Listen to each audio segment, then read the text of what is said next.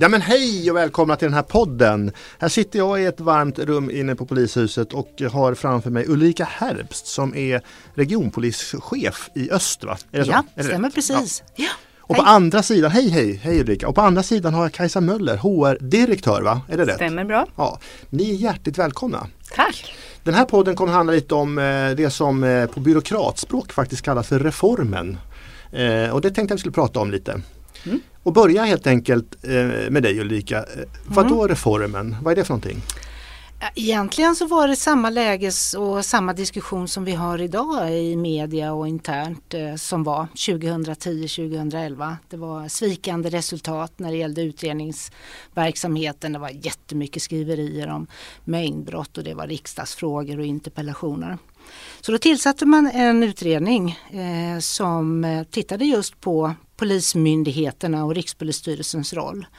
Och den utmynnade i att vi fick det här betänkandet En sammanhållen polis som konstaterade det att nej, eh, det är mer hinder än förtjänster med att bibehålla de 21 myndigheterna, eller 23 då som vi räknar ibland. Och Rikspolisstyrelsens mandat var oklart och så vidare. Så att eh, en enig riksdag och regering bestämde då att eh, en polismyndighet ska det vara. Och då var vi den sista statliga myndigheten också som gick in i det. Mm. Och sen bestämde man att eh, det skulle finnas en nationell operativ avdelning och att det skulle finnas eh, en särskild avdelning då för, för särskilda utredningar. Alltså disciplinärenden med mera. Du, jag, tänk, jag tänker fördjupa mig lite mer i organisationen ja. sen så jag, ja. jag bollar över till HR-direktören. Jag har en liten fråga till henne också så återkommer jag alldeles ja. strax till dig. Eh, Kajsa, du var ju med i allra första början, redan innan vi gjorde den här övergången. Kan du bara berätta hur du kom in i det här? Jag kom in för att jag fick en fråga eh, om jag ville vara med och forma den nya myndigheten tillsammans med genomförandekommittén som hade en särskild utredare, Thomas Rolén. Där blev vi ju ett eh, gäng som jobbade tillsammans i ett lag där vi jobbade genom dåvarande polisorganisation och ganska snart kompletterades eh, med de blivande regioncheferna som faktiskt kom till kommittén eh, som sakkunniga redan i december 2013. Mm. Det här blir lite rörigt för de som ja. inte exakt förstår hur det funkar men den här kommittén, alltså vad, vad, var det upp, vad hade den för uppdrag? Det var ett uppdrag från eh, departementet, från riksdagen, att vi skulle forma den nya myndigheten, skapa förutsättningar för att dra igång en ny myndighet 1 januari 2015. Mm. Det vill säga inte bara slå ihop 21 eller 23 myndigheter utan skapa en ny myndighet som skulle klara att va, hålla igång verksamheten från dag mm. ett. Mm. Du, eh, jag tänkte på, när du fick den här frågan, du sa att, jag tror du sa att det skulle bli spännande eller så. Vad, förstod du då vad du stod inför? Det är jättesvårt att säga i efterhand. Det är klart att man Jag förstod att det skulle bli ett jättestort jobb. Eh, samtidigt så kan jag inte sticka under stol med att eh, det som var mest intressant det var väl att vi stod inför att göra något som de flesta medborgare redan trodde var gjort. Inklusive jag själv när jag klev in i Polismyndigheten i Värmland 2004. Mm. Så det tycker jag var den stora utmaningen. Mm. Ulrika, du var mm. lite inne på det här hur, hur, det sen, hur det blev eller hur det skulle bli. Eh, och vi ska inte bli alltför djupa i organisationerna tror jag för det kan vara lite komplicerat. Men, men lite kort ändå ja. hur det rullade på. Ja, på eh, liksom fånga det mm. Kajsa sa. Mm. Därför att eh, 2013 så startade ju genomförandekommittén ett eh, mastodontarbete. Man, la, eh, man fasindelade hela förändringen och det var väldigt tydligt och, och uppskattades väldigt ute i organisationen. Man bildade refer, Eh, reformstödsgrupp grupper eh, i varje dåvarande polismyndighet och man i anspråk tog väldigt mycket av våra resurser och kompetenser för de olika uppdragen och utredningarna, rapporterna som skrevs mm. då för att forma just den här nya myndigheten. Kan du bara, bara, reformstödsgrupp, vad, var det för, vad gjorde de för någonting? Ja, det gjorde det ungefär som eh, den reformstödsgruppen som rikspolischefen har idag. Det vill säga att varje myndighet hade ett, ett urval av kompetenser från olika verksamheter och de fick eh, speciella frågor som de skulle eh, diskutera och prata om i respektive myndighet och sen lämnade det till kommittén som ett input i, i eh, arbetet. Kan man jämföra med en slags panel, att man hade en frågepanel? Ja, en, en temperatur, en avstämning. Eh, ja. ligger vi rätt? Att eh, kan man resonera så här? Mm. Och sen hade du alla utredningsgrupper som höll på och jobbade med allt ifrån hur vi skulle, skulle or, un, eh, organisera men också hur vi skulle, vilka metoder som skulle användas för, för all, all den verksamhet och den komplexiteten som finns inom en polismyndighet. Mm. Så vi rullade på där och eh, i och med att vi klev in som sakkunniga som Kajsa sa då i kommitté och i, genomförande, i genomförandearbete så fick ju vi regionpolischefer eh, vara med och tycka till. Så att det där var ett givande och tagande vill jag påstå under hela resan. Och sen fick vi ju detaljbeslutet eller det så kallade majbeslutet.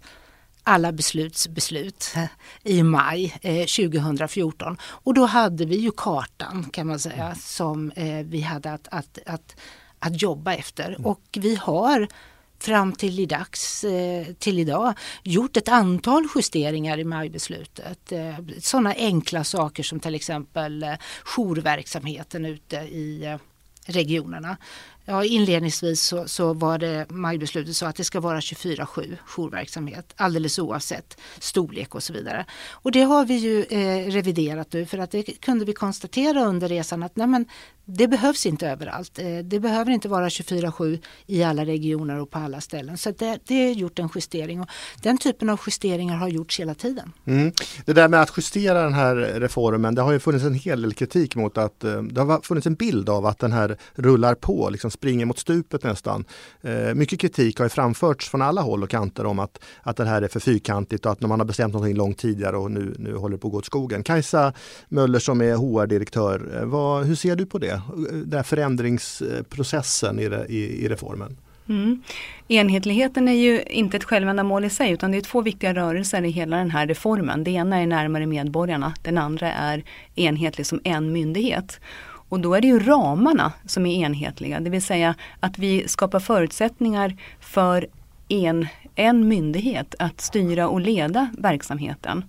Eh, det, är ju det var ju uppdraget för den särskilda utredaren och också uppdraget för oss chefer i nuvarande organisation. Men det ska ju ske utifrån lokala problembilder, utifrån regionala förutsättningar. Nu är, har vi bärkraftiga regioner pratar vi om. Vi har fyllt eh, regionerna med förmågor. Eh, rätt förmåga på rätt plats. Sen måste det här börja fungera på ett bra sätt. Enhetligheten ska ju skapa förutsättningar för att det ska fungera bättre. Och det är som Ulrika säger, om vi märker att det, det gör det inte på vissa delar, då måste vi fundera om och titta på eh, vad kan vi göra för att skapa ännu bättre förutsättningar. Mm. Ni säger båda två att man kan eh, man ändrar och justerar. Kan vi eh, ändra alltihop? Kan vi gå tillbaks, lägga ner hela den här och gå tillbaka till de känd polismyndigheterna tror ni? Nej, det menar jag att det kan vi inte. Eh, av flera skäl, men framförallt är det ju det att vi har, då har vi egentligen bara gjort människor illa. Eh, och dessutom är det så att eh, det sammanhang som polisen finns i idag, alltså vårt samhälle, ställer sådana krav på oss i vissa lägen att vi måste ha kraften av en myndighet. Eh, och det tycker jag att eh, det gångna året har visat då migrantströmmar och terrorhot och så vidare. Och det var ju också en del av reformen, det får vi inte glömma bort. Vår förmåga, svensk polis förmåga att kraftsamla hela landet mot någon händelse. Och därför är det ju också, eh, och det har ju varit eh, kritik och, och, synpunkter kanske snarare från organisationen eh, om toppstyrningen. Men då får, måste vi komma ihåg det att i vissa lägen är det inte bara en möjlighet för rikspolischefen eller för chefen för nationella operativa avdelningen att faktiskt styra utan en skyldighet att göra det. För att nu är vi en myndighet och då måste vi kunna kraftsamla. Så att, eh, nej, en tillbakagång det är eh, det, det, vill jag påstå är omöjligt. Utan det här är en stomme som håller. Men nu ska vi liksom justera allt eftersom. Och idag är vi ju i ett helt annat läge än vad vi var för ett halvår sedan. Och om vi tittar tillbaka ytterligare ett år så har vi ju kommit väldigt långt. Men visst, det är hela tiden finjusteringar. Men de får ju inte göra att vi tappar enhetligheten så att man helt plötsligt inte känner igen sig. För det var ju väldig kritik mot det i, i den gamla världen. Att alla myndigheter gjorde olika och det var olika behörigheter och olika mandat och man visste inte vem man skulle vända sig till i en myndighet för att liksom prata med sin motsvarighet. Idag är det ju så att alla eh, olika funktioner ska i stort sett ha lika mandat, lika behörighet och så vidare. Man ska känna igen mm. sig. Man ska kunna jobba över hela, över, över hela landet och, och det ska fungera. Mm, det där låter ju... Det, ja, men alltså, det, den flexibiliteten måste vi ha. Ulrika, mm. det där låter ju, det låter ju fantastiskt. Nu, eh, ni som har kommit in och lyssnat på den här podden nu har, har precis hört här Ulrika Herps som är regionpolischef i Östergötland och sen har, i öst säger vi, förlåt. Och så har vi också eh, vid bordet här Kajsa Möller som är HR-direktör inom polisen. Jag själv heter Varje Lander och jobbar med pressfrågor i Region Stockholm. Eh, men visst, det låter fantastiskt det här med enhetlighet och det. Sverige är ett långt land. Det är helt olika, det ser olika förutsättningar. Hur, hur, väldigt kort eh, Kajsa, ändå, hur ska man få ihop det? Varför är det viktigt med enhetlighet när vi är så olika? Jag förstår inte riktigt det. Enhetligheten är ju eh, ett stöd för oss att eh, visa att vi är en myndighet. Titta på eh, oss som arbetsgivare. Är jag anställd i, i Nord eller om jag är anställd i, i så ska jag fortfarande känna att jag är på samma, hos samma arbetsgivare. Eh, så att vi har en ram som skapar goda förutsättningar för oss att få ur den kraft och, och, den potential som vi har i verksamheten på ett bra sätt. Oavsett om det gäller inom, inom personalfrågor eller inom, inom kärnverksamhetsfrågor. Så det finns en styrka i enhetligheten men den får inte bli så att den är i sig själv viktigare än någonting annat. Nej. Jag, jag tänkte gå lite vidare här eh, i den här podden eh, som, eh, där vi sitter inne i polishuset och pratar reformen, polisreformen alltså. Eh, det som har framkommit, eh, för det ska man ha klart för sig, de senaste månaderna har varit ganska mycket kritik mot eh, reformen och polisledningen och ja, polisen överhuvudtaget faktiskt. Varenda tidning har skrivit om det vid det här laget tror jag. Eh, en, en återkommande kritisk punkt det är det här med närmare medborgarna. Det har ju varit vårat mantra och ändå så eh, vittnar väldigt många människor att det är precis tvärtom. Vi finns inte alls där ute. Eh, nu säger inte jag att det är så men kritiken låter sån. Eh, Ulrika, mm. lite kort, hur ser du på det? Alltså närmare medborgarna innehåller eh, flera olika delar. Det första jag tänker på och jag tror många med mig det är ju våra områdespoliser och kommunpoliser. Möjligheten att ha en bra samverkan med kommunerna. Det hamnar, handlar om våra medborgarlöften. Eh, och det måste vi fortsätta att utveckla och vi måste fortsätta att se till att vi har eh, den typen av eh, kompetenser ute runt om i alla kommuner och inte minst då typ i de områden som kräver lite mer.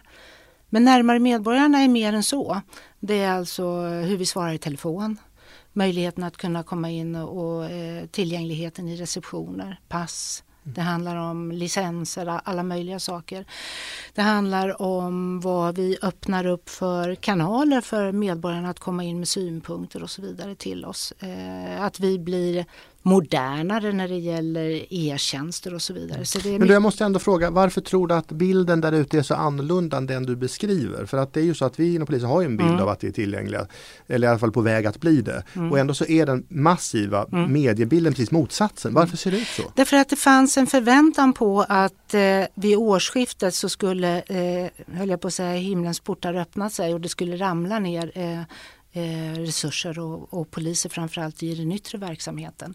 Det vi glömde bort där var ju att en, en, ett sätt som vi resonerade att få fler eh, av våra polisanställda i den yttre verksamheten det var ju att göra en omfördelning av de resurserna som fanns eh, tillgängliga idag och en förflyttning. Eh, och sen så fick vi eh, ett oerhört ansträngt läge i, i samhället med migrantströmmarna och terrorhot. Det, det går liksom inte att bortse ifrån det. Mm. Och det gjorde det att den här eh, förväntningen, vi, vi svarade inte upp fullt ut mot förväntningen. Men jag menar det är ju på intet sätt kört utan det är ju liksom en förflyttning nu som, som pågår och vi fortsätter. Vi kommer att få fler eh, polisanställda till oss. Vi kommer att utbilda ännu fler poliser och så vidare. Och det är ju lokalpolisområdena mm. som kommer i, i första hand få få ta del av den resursen. Så att det, här, det här är ju en process och en resa som bara har börjat. Mm. Det, som man, det som man pratade om eller beskrev det var ju att när man gör om organisationen så kommer det bli väldigt mycket människor eller anställda som kommer då ut långt ut närmare medborgarna. Är, det, är inte det bara en pappersprodukt? Alltså ska vi ha massa kommissarier som har suttit in, in, inlåsta, har inte suttit, in och jobbat i polishuset i 30 år. Var det någon som verkligen trodde att de skulle ut och, och, och traska runt bland medborgarna? Det men det har hänt också. Ja men det har hänt också. Eh, och, eh, sen förstår jag liksom eh, din fråga att, att eh, det handlar väldigt mycket om att det, den här eh, Eh, tillgängligheten ändå måste åstadkommas med i huvudsak då nya resurser.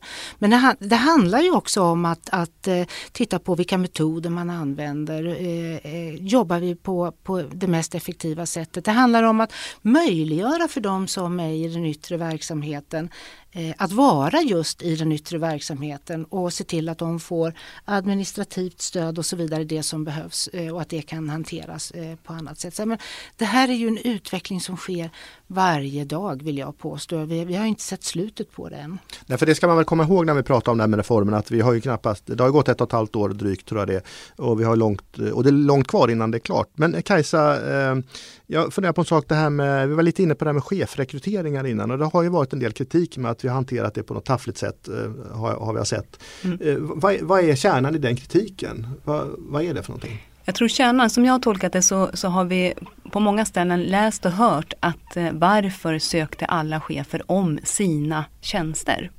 Och det är ju så att när vi stängde ner alla myndigheterna 31 12 2014 så fanns inte de chefstjänsterna kvar längre. I den nya myndigheten så har vi nya chefsuppdrag. Vi flyttade in i ett sexvåningshus och det innebar att de chefer som var chefer i tidigare verksamheter. Säga för lyssnarna som inte ja. vet vad ett sexvåningshus är i det här sammanhanget, vad är det? Det betyder att vi hade beslutat, eh, genomförandekommittén ytterst och Thomas Rolén fattade beslut om att den nya myndigheten skulle bestå av sex nivåer.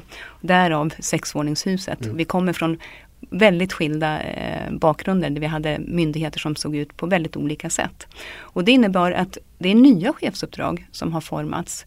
Helheten före delarna, laget före jaget, enklare att säga än att eh, kanske leva efter. Men väldigt viktiga eh, delar i det nya chefsuppdraget och också förändringsledningen. Och det innebar att de delar där vi kunde rekrytera innan 31 i 12 2014, det gjordes. Regionchefer, polisområdescheferna. Men väldigt många utav de cheferna som återstod gick inte att ha på plats till 1 januari. Där har ett stort omställningsarbete, men ni vet med regionledningscentralerna, RLC, där vi fortfarande inte har flyttat in i nyläge 2 i alla regionerna ännu. Det har påverkat hur chefstrukturen ser ut och därför har vi bemannat allt eftersom. Men alla uppdrag är nya, vilket är viktigt då eh, för att när jag säger ja till ett chefsuppdrag så gör jag det under nya förutsättningar. Så jag tror att det är en del i, i kritiken. Sen har det tagit eh, lång tid. Det är många befattningar som har tillsatts. Men det är också viktigt att varje chef får möjlighet att tillsätta sina chefer. Mm. Och det, det, är jätteviktigt ja. om man bara får hoppa in där. Mm. Eh, och, och därför, därför var det tvunget att ta sig den här ordningen också så att man fick rekrytera sina närmsta chefer. Och jag menar, det här är ju första och enda gången tror jag för, för väldigt många där man faktiskt får vara med och, och rekrytera sin egen ledningsgrupp. Mm. Eh, vi börjar faktiskt närma oss lite slutet på den här podden. Man är, det går fort när man har roligt som de säger. Vi har några minuter kvar. Eh, jag har framför mig här vid, vid bordet har jag Ulrika Herbst som är chef, eh, regionpolischef i Öst och så har jag HR-direktör Kajsa Möller. Vi har pratat om, om det som vi kallar för reformen. Innan vi slutar, vad är det som, eh, om du Kajsa får börja, vad skulle du säga är den största utmaningen de närmaste två, tre åren i det här? Den största utmaningen är väl att tillsammans med eh, hela myndighetens kraft och kompetens föra oss framåt. Att våga se de utmaningar vi har, de brister som är idag, försöka förutse de som kommer och säkerställa att vi tillsammans tar kloka beslut tillsammans med arbetstagarorganisationerna och eh, alla goda krafter som finns i myndigheten för att göra det bästa för medborgarna. Mm, och innan jag faktiskt släpp, släpp, släpper in Ulrika så jag fråga, förstår du den frustration som finns där ute? Du Absolut. ser den antar jag, men du förstår den? Absolut, jag både eh, förstår den och ser den och känner den själv mm. eh, dagligen. Jag tror att alla vi går till jobbet, alla 28 500 går till jobbet varje dag för att göra polisverksamheten bättre för våra medborgare. Och när det inte går tillräckligt snabbt så blir vi frustrerade. Och när vi inte kommer framåt i den takt vi har tänkt så blir vi frustrerade. Och jag delar den känslan. Mm. Det var Kajsa Möller, HR-direktör på polisen. Och Ulrika Herbst, slutligen, vad det största, det svåraste vi har framför oss, vad är det? Oh, eh, jag skulle nog ändå säga det, det som är viktigast det är att vi snart får liksom loss kreativiteten hos alla anställda. Eh, och att vi får loss kreativiteten i att genomföra det som står kvar eller det som är kvar i reformen på ett smart och, och ett bra sätt. Eh, och att vi eh, också får eh, tillit för den nya organisationen. Det tror jag, det, det känns jätteviktigt att vi kommer dit. Mm. Och jag tror att den här typen av resonemang eh, som, som, vi har haft eh, nu den senaste tiden, de är jobbiga. Men jag tror samtidigt att de är ganska nödvändiga. Mm. Vi prövas alla på olika sätt eh, i just de olika delarna. Mm. Hörrni, stort tack för att ni kom hit. Jag tror att vi kanske får sätta oss i den här studion om några månader eller ett år igen och, mm. och utvärdera alltihop. Tack för att ni kom. Tack, tack själv.